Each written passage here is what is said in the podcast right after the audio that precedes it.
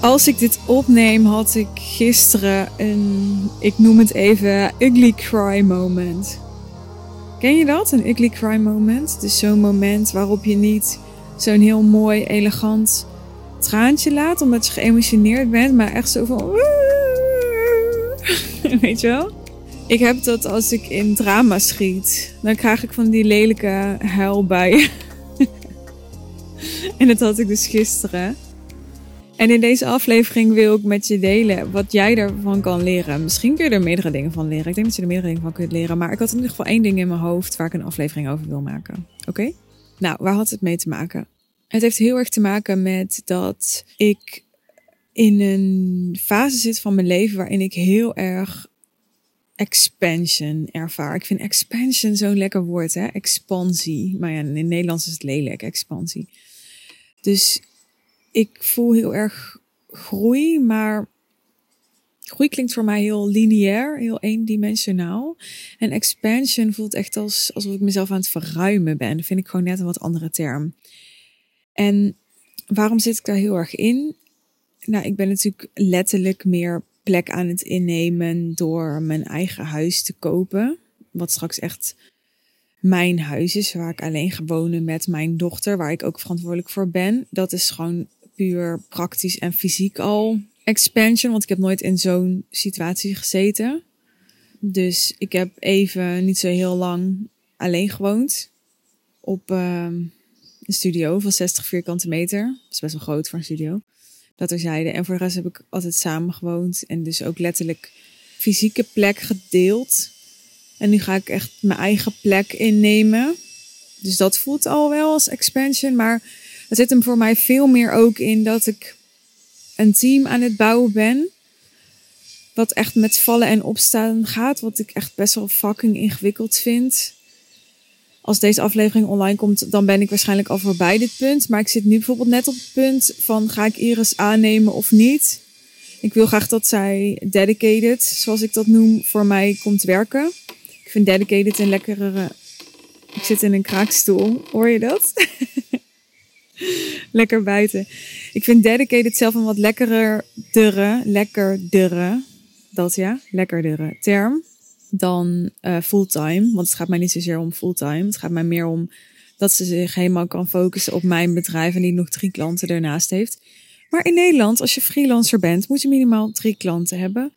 Dus ze komt waarschijnlijk in dienst. Maar ja, dat, dat betekent weer nieuwe dingen voor mijn bedrijf. En nou, zo is er lots and lots going on. En zoals ik net al zei, dat gaat met vallen en opstaan. Zal ik heel eerlijk zijn? Ik ga gewoon heel eerlijk zijn. Uh, in april is Steven bij mij gekomen en dat was echt op een moment ook weer dat er best wel veel urgentie was, omdat uh, Iris had gezegd dat ze wegging.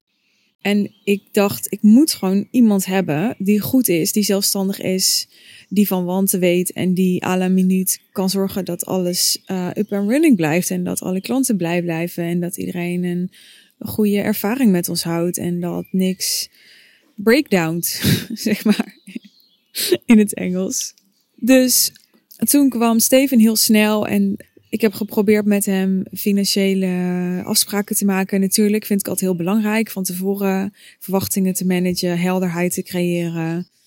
Ja, ik ben altijd heel erg van duidelijkheid. Maar dat hebben we uh, niet goed gedaan.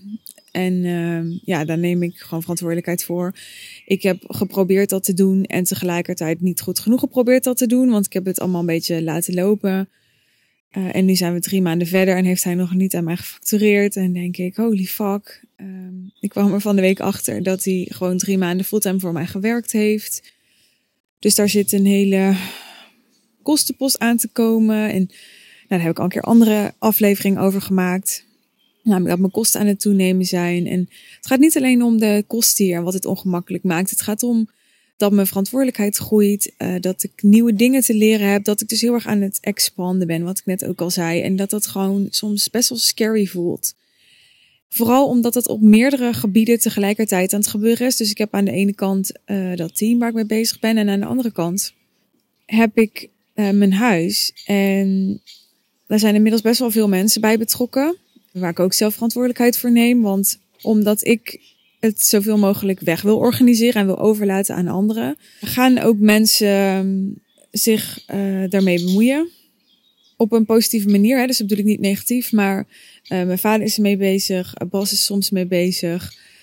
Nou, ik heb dus een soort projectmanager waar ik eerder over heb verteld, die ermee bezig is. Ik heb twee interieurstylisten die ermee bezig zijn.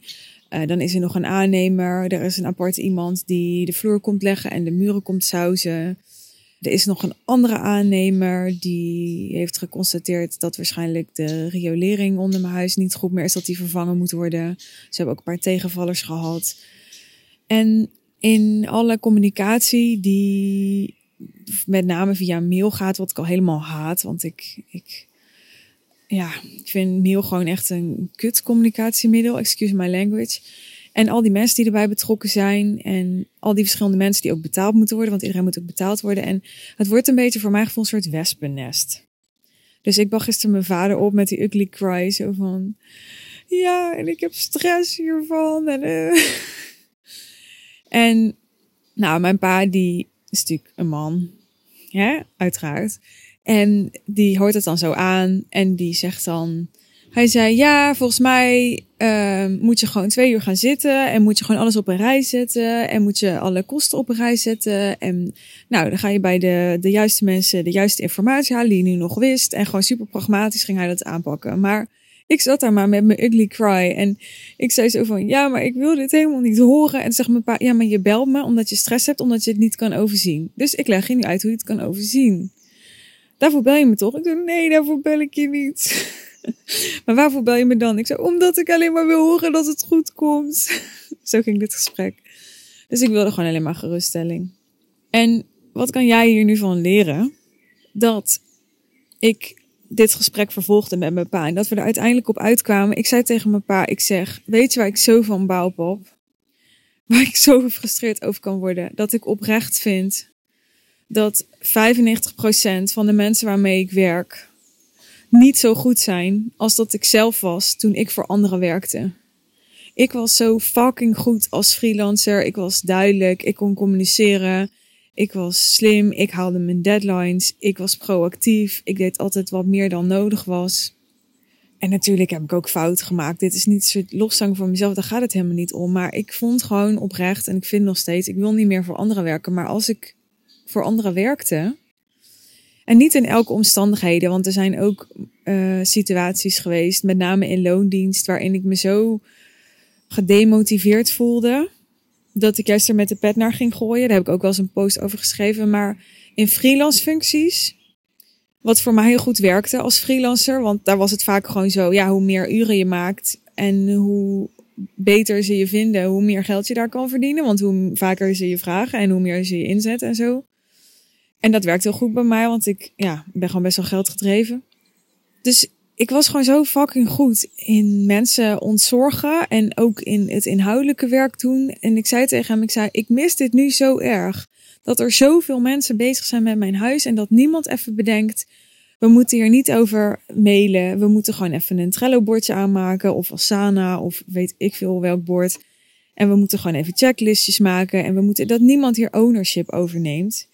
En ik snap dat als ik dat zo zeg, dat ik dan, dat deed ik gisteren ook, hè, vanuit het drama in de slachtofferpositie schiet. Want ik kan dat ook gewoon zelf doen. Maar daar word ik soms zo moe van dat ik het gevoel heb dat ik dat allemaal zelf moet gaan zitten doen. Dat ik denk, kan niet iemand mij gewoon even zien? Zien wat ik hier nodig heb en dit project op zich pakken en gewoon dit fucking goed managen. Hoe moeilijk kan het zijn? Weet je wel, dan kan ik lekker aan de andere kant mijn teampje bouwen en voor mijn kind zorgen en want dit is waarvoor ik al die mensen inschakel en waarom ik het wil wegorganiseren. Om niet alleen tijd te besparen, die ik dan zelf niet hoef te investeren in mijn huis, maar vooral ook om ontzorgd te zijn, om de stress niet te hebben. En die heb ik dan op sommige momenten dus gewoon wel. En daar kan ik dan heel gefrustreerd over raken. En dan zegt mijn vader natuurlijk weer heel wijs: Ja, Suus, daar kan je heel gefrustreerd over zijn. Uh, maar dat vindt me geen zin. Je kan beter gewoon accepteren dat de wereld in elkaar zit zoals die in elkaar zit. En dat niet iedereen is zoals jij. En gewoon bedenken hoe je daarmee om wil gaan. Ja, ja, dat klopt, pap. Dank je. het is allemaal waar. Het is allemaal waar. Maar wat jij hiervan kan leren is dat ik elke keer merk dat zo weinig mensen goed zijn, echt heel goed zijn in ontzorgen.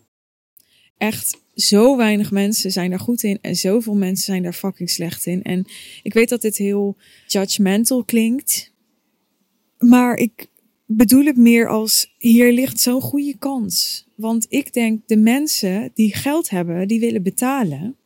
En jij luistert naar mijn podcast en je volgt mij omdat je klanten wil die bereid zijn om te investeren, die willen betalen. Die willen ontzorgd worden. Die willen een stress-free ervaring hebben. Voor zover als dat kan, hè? Want natuurlijk hoort bij een transformatie, hoort, zoals ik nu ook omschrijf, expansion. En dat gaat gepaard met stress. Ik bedoel, dat is niet waar ik het over heb. Hè. Dus ik snap dat die groeipijn, dat dat tot stress kan leiden. En dat accepteer ik gewoon. Maar er zijn ook heel veel praktische dingen waar ik stress over kan hebben. Waarvan ik echt voel, dit zou niet nodig moeten hoeven zijn. Maar het is zo moeilijk om iemand te vinden. En dan, dan heb ik het niet over voordat ik weer mijn hele mailbox ontploft met vacatures van PA's en VA's en assistenten en zo. En dat waardeer ik allemaal heel erg. Maar ik heb het juist over mensen die niet van zichzelf PA of VA zijn of business manager of zo'n taak hebben. He, dus bijvoorbeeld die inderdaad interieurstylist zijn, of die bouwkundige expert zijn, of die makelaar zijn, of die, snap je, die uh, inhoudelijk een bepaalde expertise hebben. En die dan daarnaast ook heel goed zijn in ontzorgen. Die combi is op de een of andere manier mega schaars, merk ik. Daar liggen zoveel kansen. Wat als jij voor jouw klant ownership neemt over het probleem van jouw klant? In mijn geval is mijn probleem. Ik moet van het een naar het andere huis.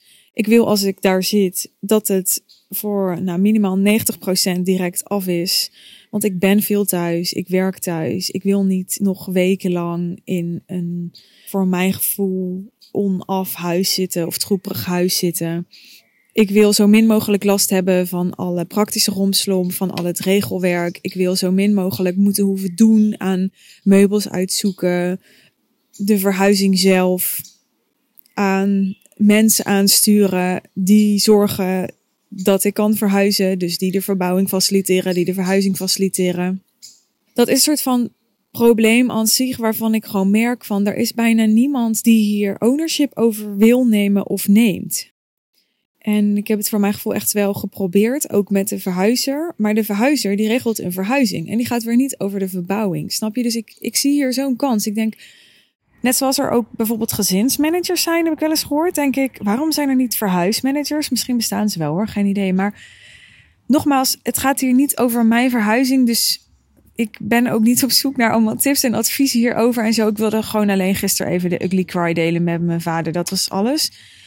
En nu voor deze aflevering wil ik jou meegeven dat mensen zo'n veel betere ervaring hebben. En zeker de mensen die geld willen investeren, zoveel eerder zullen investeren. Als maakt dat ze echt ontzorgd zijn en geen stress meer hebben. En als maakt dat de kwaliteit van die ontzorging nog beter is dan wat ze zelf verwacht hadden of gewild hadden. Dus als daarin ook nog hun verwachtingen worden overtroffen. Ga even bij jezelf na hoe jij in jouw business jouw klanten nog beter kunt ontzorgen. En vooral ook hoe je dat kunt laten zien en kunt overbrengen in je marketing, in je boodschap, in je positionering. Want mensen moeten dat natuurlijk ook voelen. Het is fijn als ze eenmaal klant bij zijn dat ze het ervaren. Maar je wil dat de juiste mensen die ook daar heel erg behoefte aan hebben. En die daar dus ook extra voor willen betalen. Dat upfront al voelen bij je. Ik hoop dat het waardevol voor je was om dit te horen vandaag. Toeval bestaat niet. Dus als je hier naar luistert, dan denk ik dat je linksom of rechtsom er iets mee kunt. Is het niet nu, dan valt er misschien morgen of van volgende week opeens een kwartje. Heb je een vraag over dit onderwerp? Uh, nogmaals, je mag het persoonlijk maken. Maar mijn intentie is om het niet persoonlijk te maken. dus het gaat hier niet zo over mijn verhuizing. Maar heb je een vraag over hoe jij wat ik deel in deze aflevering kunt implementeren in jouw bedrijf, in jouw positionering, in jouw niche, in jouw aanbod. Stuur me gerust een DM. Ik praat er heel graag over. De link naar mijn Instagram vind je in de omschrijving bij deze aflevering. En als je je early bird ticket nog niet hebt geclaimd voor de High Level Sales One Day Intensive op 14 oktober, doe dat dan nu. dan eh, profiteer je nog van een speciale early bird aanbod. Is alleen maar slim. En dan weet je zeker dat jouw plek gegarandeerd is en dat je erbij bent. Je leert deze dag alles over wat klanten die bereid zijn om echt te investeren nodig hebben, willen, van aangaan, door aangetrokken worden.